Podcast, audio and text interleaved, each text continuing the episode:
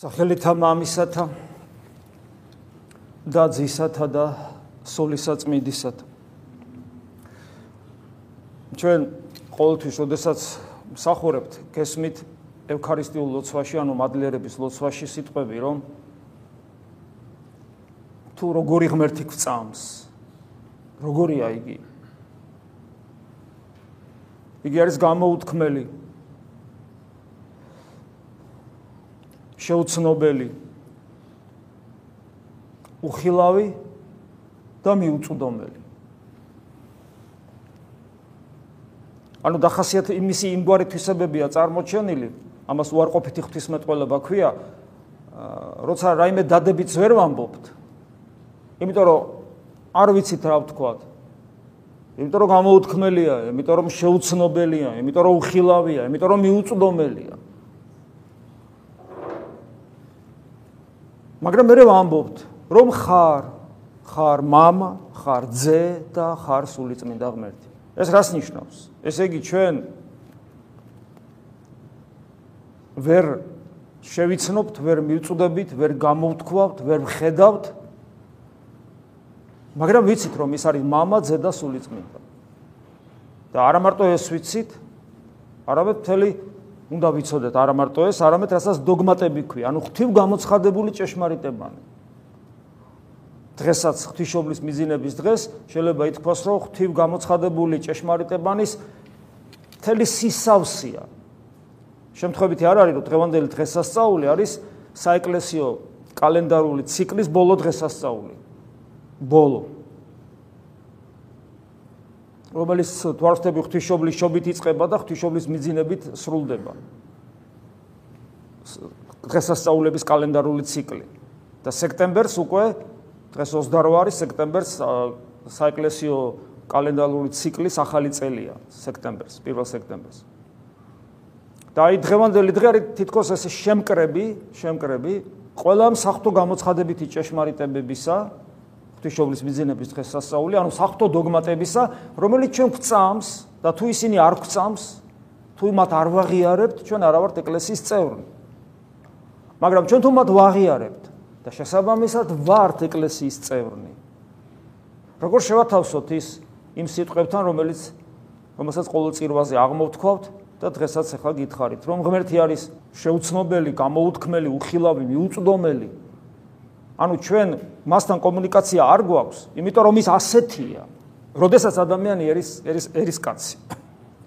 რომელსაც პირველ რიგში საკუთარი პასუხისგებლობა აქვს ღვთის წინაშე, რომ გული გაუხსნას ღმერთს და უხილავი ხილული გახდეს მიუწვდომელი, მიწვდომადი, შეუცნობელი, შეცნობადი, გამოუთქმელი, გამოთქმადი. პირველ რიგში მისთვის და თქვა მისი უახლოესი გარემოცვისათვის. მაგრამ უპირველეს ყოვლისა მას პასუხისგებლობა მაინც საკუთარი საკუთარ თავზე აქვს პასუხისგებლობა. წარმოგიდგენიათ რა მძიმე მდგომარეობაშია სასულიერო პირი, რომლის პასუხისგებლობა უაღრესად განვრცობილია. მას აქვს სასულიერო პირს აქვს წინასწარმეტყველის ფუნქცია. რა არის წინასწარმეტყველის ფუნქცია? არა მკითხაობის თავისთავად ცხადია. არამედ საფრთხო ჭეშმარიტების გადმოცემის და არა სიტყვით უბრალოდ ეგრე ციგნები არსებობს და თქვენ შეგიძლიათ გედა წაიკითხოთ. და იმედია კითხულობთ.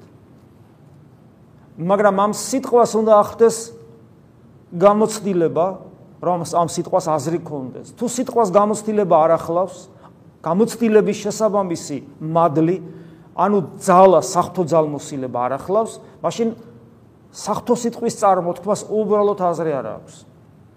მას ناقოფები არ გამოაქვს.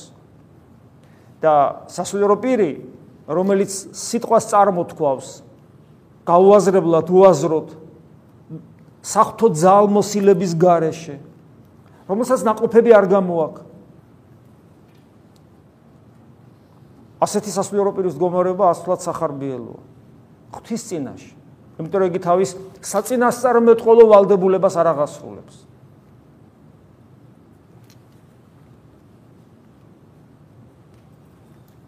გარდა ამისა, უაღრესად საშიშია და საფრთხილო თვით ლოცვის სიტყვების წარმოთქმაც. ეს უკვე ერისკაცებსაც ეხებათ, რა თქმა უნდა. როდესაც ჩვენ აღმოვთქვათ იმ სიტყვებს, რომელიც განწმედილი გულიდან იყო აღმოს იყო ამოსული რომელიმე წმინდა მამისაგან. სხვადასხვა ლოცვებში, ფსალმუნებში, მამაო ჩვენ რომელიც თავად უფალმა გვასწავლა. იმიტომ რომ ყოველ ასეთ ლოცვაში, რომელიც სული წმინდის მიერ არის სიტყვაში გამოქანდაკებული, ჩამოძერწილი და ჩამოქნილი მატერიალური სახე აქვს მიღებული, რომელიც ჩემს გულში და სულში ყოლავ სულად უნდა იქცეს, შეიძლება ასე ითქვას. ანუ საფრთხო ენერგიათ უნდა იქცეს ჩემში. დაწერილ სიტყვას მატერიალური სახე აქვს. გამოთქმულ სიტყვას მატერიალური სახე აქვს. მაგრამ იგი სულიწმინდა გადასულია, სულიწმინდა ღმერთის საფრთხო ენერგია გამოიძერცა, ჩამოიქნა მატერიაში, მე ამ მატერიას აღმოვთქვავ, ვკითხულობ და იგი კვლავ სულად უნდა გადაიქცეს ჩემში. და თუ არ გადაიქცევა იგი ჩემში სულად, მაშინ მე მას ყველა აღმოვთქვავ და ვიქნები ათიმცნებიდან ერთ-ერთის დაამრღვევი, არა მოიღო სახელი უფლის ამაოსა ზედა, რომელიც სასიკვდილო ცოდვათა რანგში გადის. თუ ამას ემატება ჩვენი გულგრილობას, როცა ვამბობთ სიტყვას და ვერ ვიაზრებთ რას ვამბობთ, გვახსენდება სიმონ ახალი ახალი ღვთისმეტყველი სიტყვები იმაზე მეტად არაფერი არ არის ხებს ღმერთს რაც გაუაზრებლად წარმოთქმული ლოცვითი სიტყვები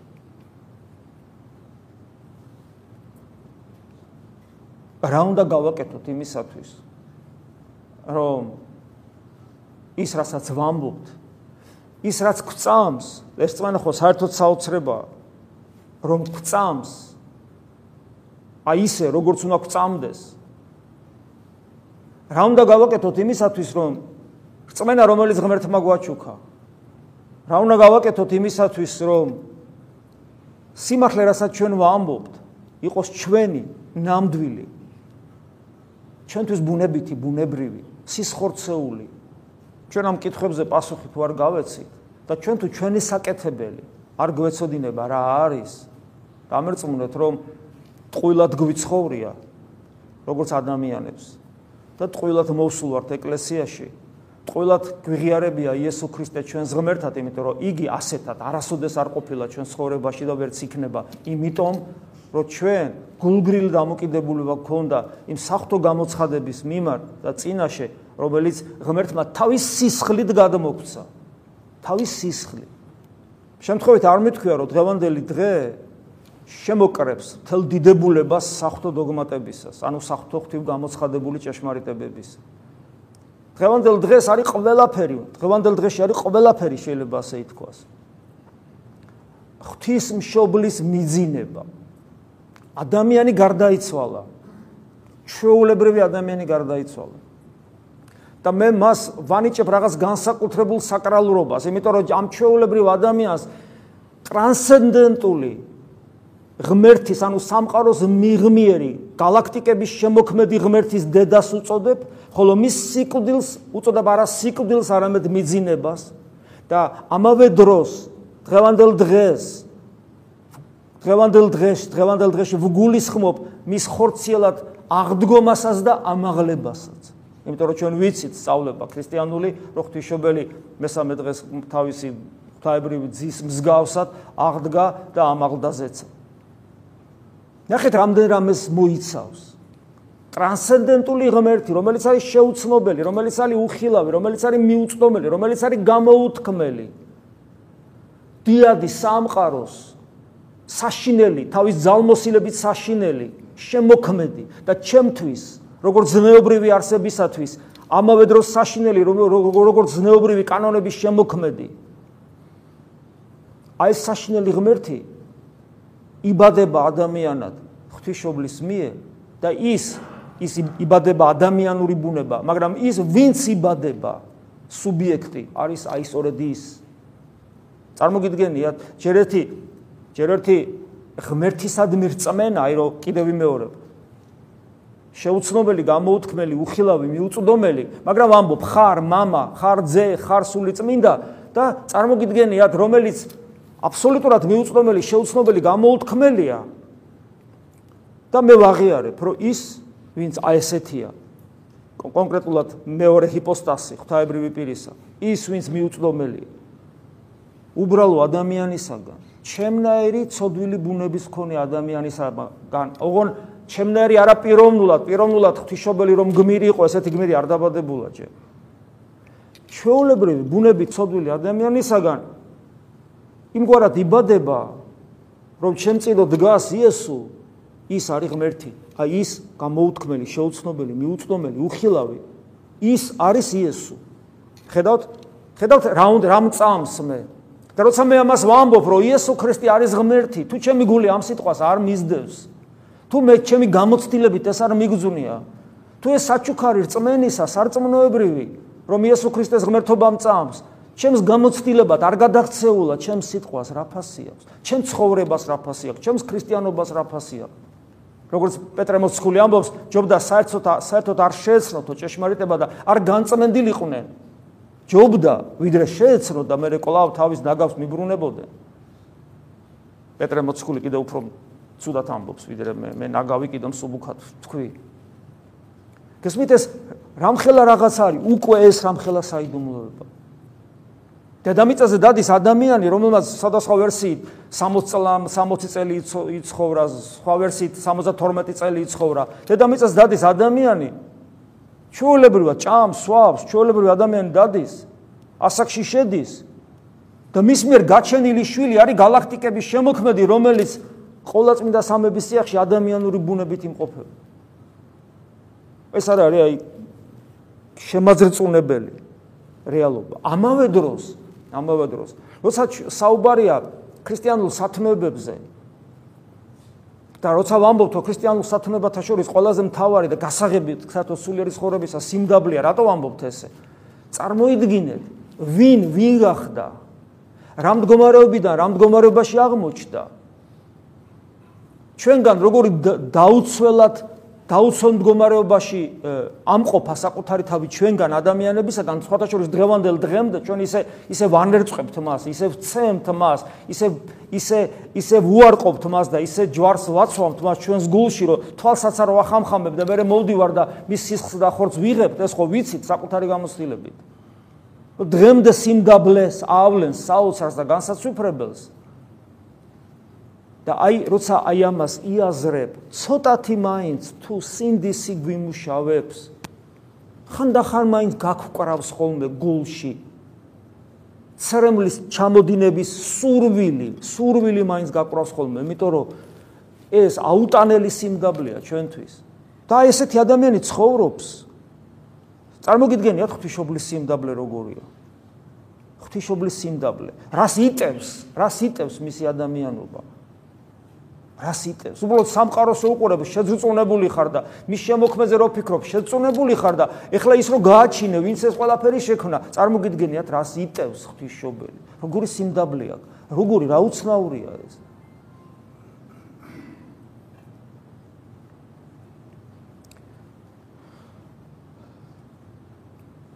ღვთისმშობელი თავის თავში ღმერთს ატარებს. რეალურად ატარებს, ნამდვილად ატარებს, 9 თვე ატარებდა ღმერთს. 9 თვე როგორც მიტროპოლიტმა ეროთოს ლახოსმა თქვა, 9 თვე მოუკლებელი ლიტურგია ამაში, 9 თვე მოუკლებელი გონების მიერი ლოცვა ამაში, იმიტომ ქრისტე, ქრისტე ისე გიებს მასში, რომ ღვთისმშობელი ცაზე უვრცელესად წარმოჩინდება და უფრო წმინდა თუ რაიმე სიწმინდე შეიძლება არსებობდეს, ყველაზე უფრო წმინდად ამ სამყაროში. მაგრამ აი ეს ყველაფერი როგორ მოხდა? ეს ყველაფერი იოლითუ იყო ღვთისმშობლისათვის. ეს ყველაფერი ურთულესი იყო ღვთისმშობლისათვის, მე ამას აღარ ჩაუღმავდები, მაგრამ ეს ყველაფერი იყო ურთულესი, ამ გადაწყვეტილების მიღება ურთულესი და ყველაზე მნიშვნელოვანი აქ ის არის, რომ ღმერთს არ უზალადია, ღმერთს ის რაღაცას თავისი განხორციელების საშუალებად არ გამოუყენებია ღვთისმშობელი. ღმერთმა ითანამშრომლა ამ ყოვლადწმინდა ქალწულთან და მხოლოდ მისი დათანხმების შემთხვევაში მოხდა ეს. აი იგი ეთანხმება ისიც ხო? იყავ ღვთის ღვთის ნებას ღვთის ნებას ემორჩილება. როცა თქვა თავარანგელოზი გაბრიელი აი უცხადებს იმ ჭეშმარიტებას რომ ღმერთი მისგან უნდა განხორციელდეს და ღვთის ნების მიხედვით იწყებს ღვთისმშობელი ცხოვრებას. მაგრამ მე ერთ-ერთმა რიგითმა ადამიანმა როგორ უნდა ვიცხოვრო მას შემდეგ რაც ვიცი გავიგე რომ ღმერთი დამკვიდრდა ერთ კონკრეტულ ადამიანში. ღმერთი იმიტომ დამკვიდრდა ერთ კონკრეტულ ადამიანში მარტო იმიტომ კი არ დამკვიდრდა ერთ კონკრეტულ ადამიანში ღმერთი რომ მისგან შობილიყო ხორციელად არამედ ღმერთი იმით კიდევ იმიტომ დამკვიდრდა ერთ კონკრეტულ ადამიანში, რომ იგი თითოეულ ადამიანში დამკვიდრდა, მას თითოეულ ადამიანში დამკვიდრება სურს. როგორც აპოკალიფში ვკითხულობ, ყოველი ადამიანის გულთან დგავარ და ვრეკ ეგების ვიღაცა მისმინოს. ღმერთს ერთი სული აქვს ადამიანურად თვითონ ჩვენში შემოვიდეს, იმიტომ რომ ჩვენ მან შექმნა ღვთის შვილად. ღმერთობი, მადლით ღმერთობის სტატუსით შექმნა. ამიტომ ის რაც ღვთისმშობელში მოხდა, ის უნდა მოხდეს თითოეულ ჩვენგანში. ჩვენ როცა ვეზიარებით, სწორედ ეს ხდება. ჩვენ როცა მოვინათლეთ, მირონ ცხება მოხდა მერე და ჩვენ როცა ვეზიარებით, სწორედ ეს ხდება, ჩვენში მკვიდრდება იესო ქრისტე, ჩვენს ციახში მკვიდრდება იესო ქრისტე.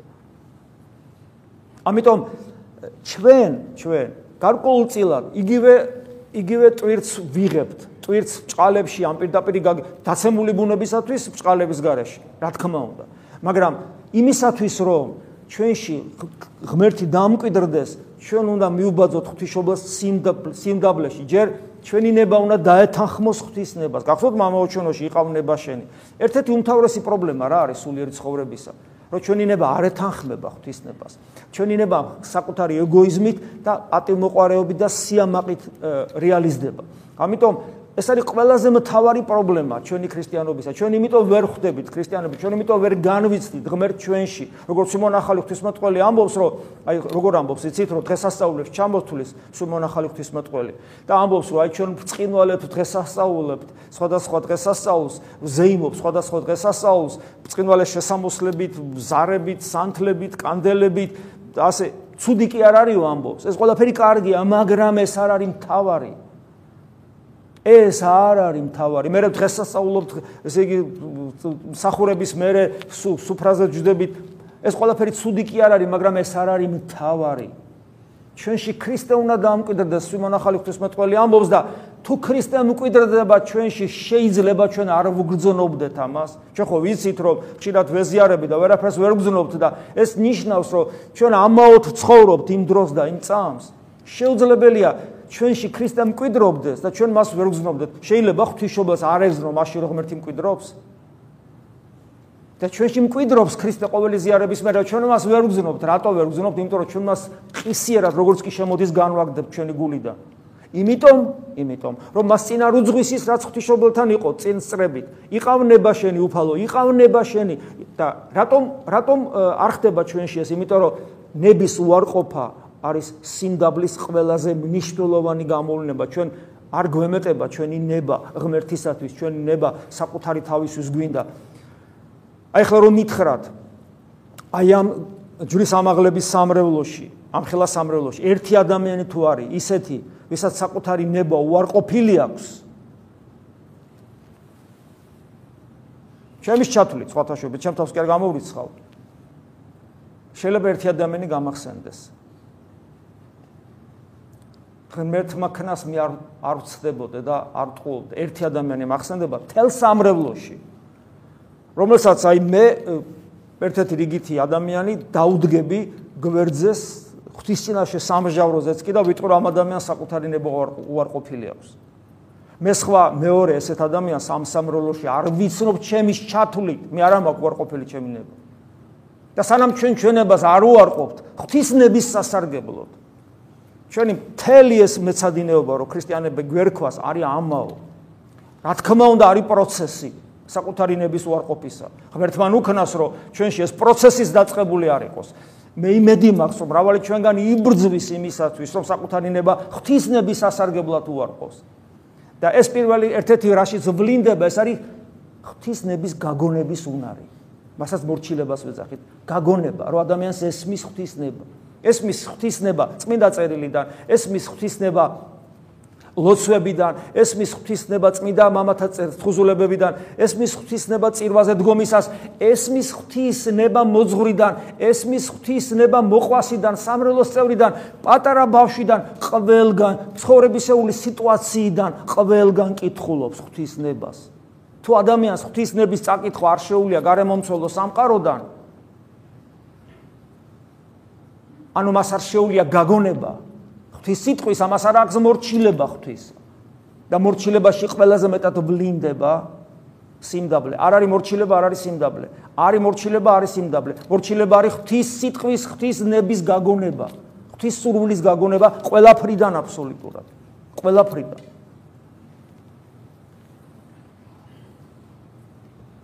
გარდა ამისა, როცა ჩვენ თანხდებით, ვეთანხმებით ღვთის ნებას, რომ ღვთის ნება შემოვიდეს ჩვენში, ჩვენ რას ვეთანხმებით? ჩვენ ვეთანხმებით ღმერთის შვილობას და ჩვენ ვეთანხმებით განღმრთობას. კითხვა უნდა დაუსვათ საკუთარ თავს. მე, თეოდორე, ღმერთის შვილობა გინდა? და ღმერთის განღმრთობა გინდა? კითხოთ გულწრფელად საკუთარ თავს. ეს არის ღვთისმშობლის მაგალითი. როცა ის ის ღვთის დედა ხდება, განხთობა ხდება მისი. გესმით და გვინდა თუ არ გვინდა ეს? მოიჩქარებთ პასუხის გაცემას.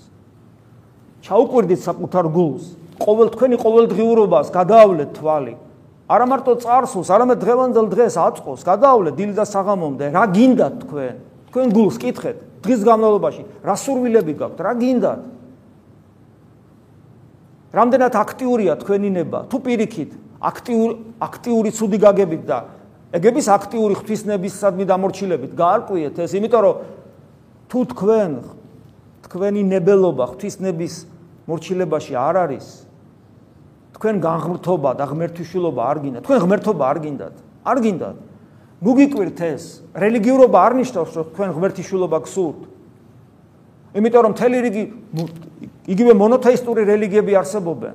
სადაც ღმერთის შვილობა სულაც არ სურთ, მათ სურთ სამოთხეში კომფორტი ადამიანური, კაი ცხოვრება, კაი ჭამა, კაი სმა, ყველანაირი კომფორტი, რაც აქ აკლდათ, რაც აქ სურვილები ქონდათ, ყველაფერი სურთ, ზეცაში ქონდეთ, იმიტომ რომ ღვთის მეგობარნი არიან, ტრანსცენდენტულ ღმერთს მორჩილებენ. ადამიანად მოსული ღმერთი უცხოა მათთვის, უარყოფენ, იმიტომ რომ ადამიანად მოსული ღმერთი დიდი პასუხისგებლობაა. სხვა არის ღმერთი ყოვლისშემძლე, ყოვლადძლიერი, მიუწვდომელი, რომელიც კანონებს იძლევა. მე იმ კანონებს ვემორჩილები და საჩუქრად სამოთხეს ვიღებ, მაგრამ სხვა არის. როცა ღმერთი მოვიდა ჩემს გვერდზე დადგა, ცემეს, აფურთხეს, უარყვეს და მე მეუბნება, მე თუ მდევნეს, შენს გდევნიან თეოდორე და გამომყევი. შენი ჯურით გამომყევი, საკუთარი თავი უარყავი და გამომყევი, ეს სხვა სხვა ღმერთია ეს, სხვა მდგომარეობა ეს და ეს ყოველას არ უნდა. აქ მრავალი ადამიანი არის ისეთი, რომელსაც ყოვლის შემძლე ღმერთის მონობა სურს, ოღონ მონობის საფასურად მას სურს მიიღოს მარადისობაში კომფორტი. ხოლო ქრისტიანები არ არიან თანახმა ამაზე. ქრისტიანები ღმერთის შვილობაზე აქვს ქრისტიანებს პრეტენზია, ეს ძალაუფლება ღმერთმა მათ მისცა, მაგრამ ეს უნდა გინდოდეს. ღმერთობა უნდა გინდოდეს. ქრისტეს მსადმი მსგავსება უნდა გინდოდეს. ქრისტესნაირი რომ იყო, ეს უნდა გინდოდეს. და ეს სურვილი და ეს ნდომა შენს ყოველდღიურობაში უნდა ვლინდებოდეს. და ჩვენ ხო ვიცით, რა ძნელია იყო მსგავსი ქრისტეს. აი ეს არის დღევანდელი დღის თავარი მუხტი შეიძლება ასე ითქვას. და თავარი თავარი თავარი თემა შეიძლება ასე ითქვას. და მე როკე შესაბამისად გასაგები ხდება გარდაცვალება მიძინების შორის სიკვდილი და მიძინება. ხო რა რა ხდება? ღმერთია ღვთისმშობელი მადლით განღმრთობილია და მისთვის გარდაცვალება სიკვდილი აღარ არსებობს. ის გარდაიცვალა სიკვდილისაგან სიცოცხლეში. აგერ ფრესკა არის იქ ზემოთ ნახ ხედავ. თავად მასხოვარი ჩამოდის და მისი უკვდავისული მიყავს და მე მესამე დღეს აღდგება. პირველი ადამიანი ადამიანთა შორის, რომელიც საშნელი სამჯავროს მიღმა არის. ღვთისმშობელის ამაღლება ზეცად, ხორციელი ამაღლება ზეცად, ეს არის წინასახე წინდი შეიძლება ასე ითქვას, თელი ეკლესიის ამაღლების, ღვთისმშობელი თელი ეკლესიის სიმბოლოა. დღეს ეკლესიის სრული სისავსე არის ღვთისმშობელი, ადამიანისა და ღმერთის გონება მიუწვდომელი ერთობა და და სრული ადამიანის სული და ხორცით ყოფობა ყოვლადწმინდა სამების წიაღში. ანუ ღვთისმშობელი არის მომავალი სახე მთელი ეკლესიისა. როცა უფალი დაბრუნდება, მთელი ეკლესია ქვა კი არა. ჩვენ მთელი ეკლესია აღდგება მკვდრეთი და მიეგებება უფალს. როგორც პავლე მოციქული ამბობს და როგორც უმშვენიერესად განმარტავს მერე პავლე მოციქულის ამ ადგილს წმინდა نيكოლოს კავასილა. როგორც პატარა მზეები ატყორცნილები ვიქნებით დიდი მზის შესახვედრად. მაგრამ ეს ყველაფერი მოხდა ერთ ადამიანში ღვთისმშობელში. ამიტომ ღვთისმშობლის მიძინება, მისი ამაღლები თურთ არის არის წინასახე ერთგვარი წინდი მთელი ეკლესიის ამაღლებისა თითოული ჩვენგან თითოულმა ჩვენგანმა ეს გზა უნდა გაიაროს. რა კარგია ამაზე ლაპარაკი. გადასარევი. და ჩვენ აქედან გავდივართ და მიწიერ ცხოვრებაში ვიფლობით, აღარაფერი აღარ გვახსოვს, საკუთარი ნებით, საკუთარი ეგოიზმით, საკუთარი უგუნურებით ცხოვრობთ. და ჩვენ ამ წმენას, რომელიც ღმერთმა განსაცვიფრებლად გვაჩუქა, ფეხქვეშ ვთელავთ. გესმით, აი ეს არის ჩვენი პრობლემა. ამიტომ თუ ჩვენ გვინდა რომ დღევანდელი დღე კარგად გავიაზროთ და გავითავისოთ, გული უნდა გავაცოცხლოთ. იმიტომ რომ ყველაფერი, აი რას დღეს ხდება ღვთისმშობელთან დაკავშირებით, ეს ყველაფერი დაიწყო მაშინ, როდესაც ღვთისმშობელმა გადაწყვიტა, ჯერ კიდევ ყრმამ გადაწყვიტა, რომ ღმერთისათვის ეცხოვრა. მისი ეს გადაწყვეტილება წინასწარ იცოდა ღმერთმა და იგი დედის წიაღშივე წმენდა ღვთისმშობელს. თუმცაღა, თუმცაღა, პავლე მოციქულის სიტყვები მახსენდება თითოული ჩვენგანი სანამ დავიბადებოდით მეცაც ვიტყვი თითოული ჩვენგანი სამყაროს შექმნამდე სანამ ღმერთი იტყოდა რომ დასაბამად ქნა ღმერთმა ცადა ქვეყანა და სანამ ითქმებოდა რომ იქმე ნათელი და იქნა ნათელი სანამ ადამი სანამ ადამი შეიქმნებოდა მანამდე ღვთის მეხსიერებაში ღვთის ხსოვნაში ღვთის აზრში. თითოული ჩვენგანი ვიყავით მასში როგორც მისი შვილები როგორც მისი შვილები. ამიტომ ჩვენ ძიდი პასუხისგებლობის წინაშე ვდგავართ. დიდი ღირსება მოგვენიჭა ჩვენ. და ამიტომ როცა ჩვენ ამას ვაცნობიერებთ, სხვა თუ ადამიანი ვერ გააცნობიერებს, მაგრამ როცა ჩვენ ეს გავაცნობიერებთ, და როცა ჩვენში დაიწყო რეალიზება იმისას, რისთვისაც ჩვენ ღმერთმა შეგვქმნა, ერთ-ერთი რაცაც უნდა ვაკეთებდეთ ჩვენ, ჩვენს გულში ღმერთს უნდა ვეძებდეთ მოუკლებლივ და სწორედ ამიტომ არის ეს საოცარი ღმერთის საკუთარ თავში მოუკლებელი ძიება შემოგვინახა მართმადიდებელმა ეკლესიამ განსაცვიფრებლად სხვა დენომინაციებისგან განსხვავებით ქრისტიანული დენომინაციებისგან განსხვავებით მართმადიდებლობამ შემოინახა უწყვეტად ეს მის წიაღში მის ღვთისმეტყველებაში მის დოგმატიკაში დევს გონების მიერი ლოცვა და როცა ადამიანები გონების მიერ ლოცვას უარყოფენ ან პირდაპირ ან საქმით ან პირდაპირ დეკლარირებულად ისინი წოდავენ ცოდავენ ეკლესიის წინაშე, წმინდა ეკლესიის წინაშე ცოდავენ. ემიჯნებიან ეკლესიას თავისი მდგომარეობით. იმიტომ რომ ეს არის მართლმადიდებლობის ღირსება, არა მხოლოდ მართლმადიდებლობის ღირსება ცოცხლდება, მთელი დოგმატები ცოცხლდება გონების მიერი ლოცვით. იმიტომ რომ ღვთისმშობელი ამის მაგალითიც არის ზუსტად. რომ იგი იწખებს შინაგან ლოცვას და ეს ლოცვა იმდენად ძლიერი იყო, რომ თავად ღმერთი გარდაცა მოიდრიკა როგორც მამები ამბობენ და ღმერთი გარდამოხდა და მისგან დაიბადა. და ჩვენშიც უნდა დაიბადოს ღმერთი ჩვენში უნდა დაიბადოს ღმერთი ჩვენ უნდა ვგრძნობდეთ რომ ჩვენში ღმერთია. ჩვენ ღვთის ტაძარნი უნდა ვიყოთ. პავლე მოციქულის სიტყვები ხო გახსოვთ? ღვთისმშობლის ხსენება ჩვენში პირველ რიგში ამ ასოციაციას უნდა ბადებდეს რომ მე ღვთის ტაძარი ვარ. ღვთის ტაძარი ვარ. პოტენციაში ესე ვარ. და უნდა ვგრძნობდეთ ღმერთს. ამიტომ მიუბაძოთ ყოვლადწმინდა ღვთისმშობლეს სიმდაბლეში ცხოვრების წესით და ამავე დროს მიუბაძოთ გონების მიერი ლოცვით. იმიტომ რომ ღმერთი ჩვენშია და ერთი სული აქვს თავისთავი გვაჩვენოს და დაგვანახოს. ვილოცოთ ჩვენში და ყოვლადწმინდა ღვთისმშობელი დედა იყოს ჩვენი მეოხი ამ ჩვენ თავარ საქმეში. ასევე ვივარჯიშოთ სიმდაბლეში და ყოველ ადამიანს ქრისტეს თვალებით უყუროთ, რომ მთელი სისავსე ქრისტიანული ღვთისმეტყველებისა ჩვენს გამოცდილებად, ჩვენს საკუთრებად იქცეთ, იქცეს, რომ ჩვენი არც სიტყვა, არც ცხოვრება და არც საქმე არ იყოს ამაო, იმიტომ რომ ღმერთმა ყველაფერი გააკეთა იმისათვის, რომ ჩვენ ყოფილიყავით მისი შვილნი და მარადისობაში, სიხარულით და ბედნიერებით ყოფნი, რომელიც რა თქმა უნდა აქვე ამ სამყაროშივე იწყო, იწყება. შეგვეციოს დედა ღვთისა მოგვცეს ძალა სწორე სულიერი ცხოვრებისა. მადლი უფლისა ჩვენისა იესო ქრისტეს და სიყვარული ღვთისა და მამისა და ზიარება სული საწმინდისა იყოს თქვენ ყოველთა თანა ამინ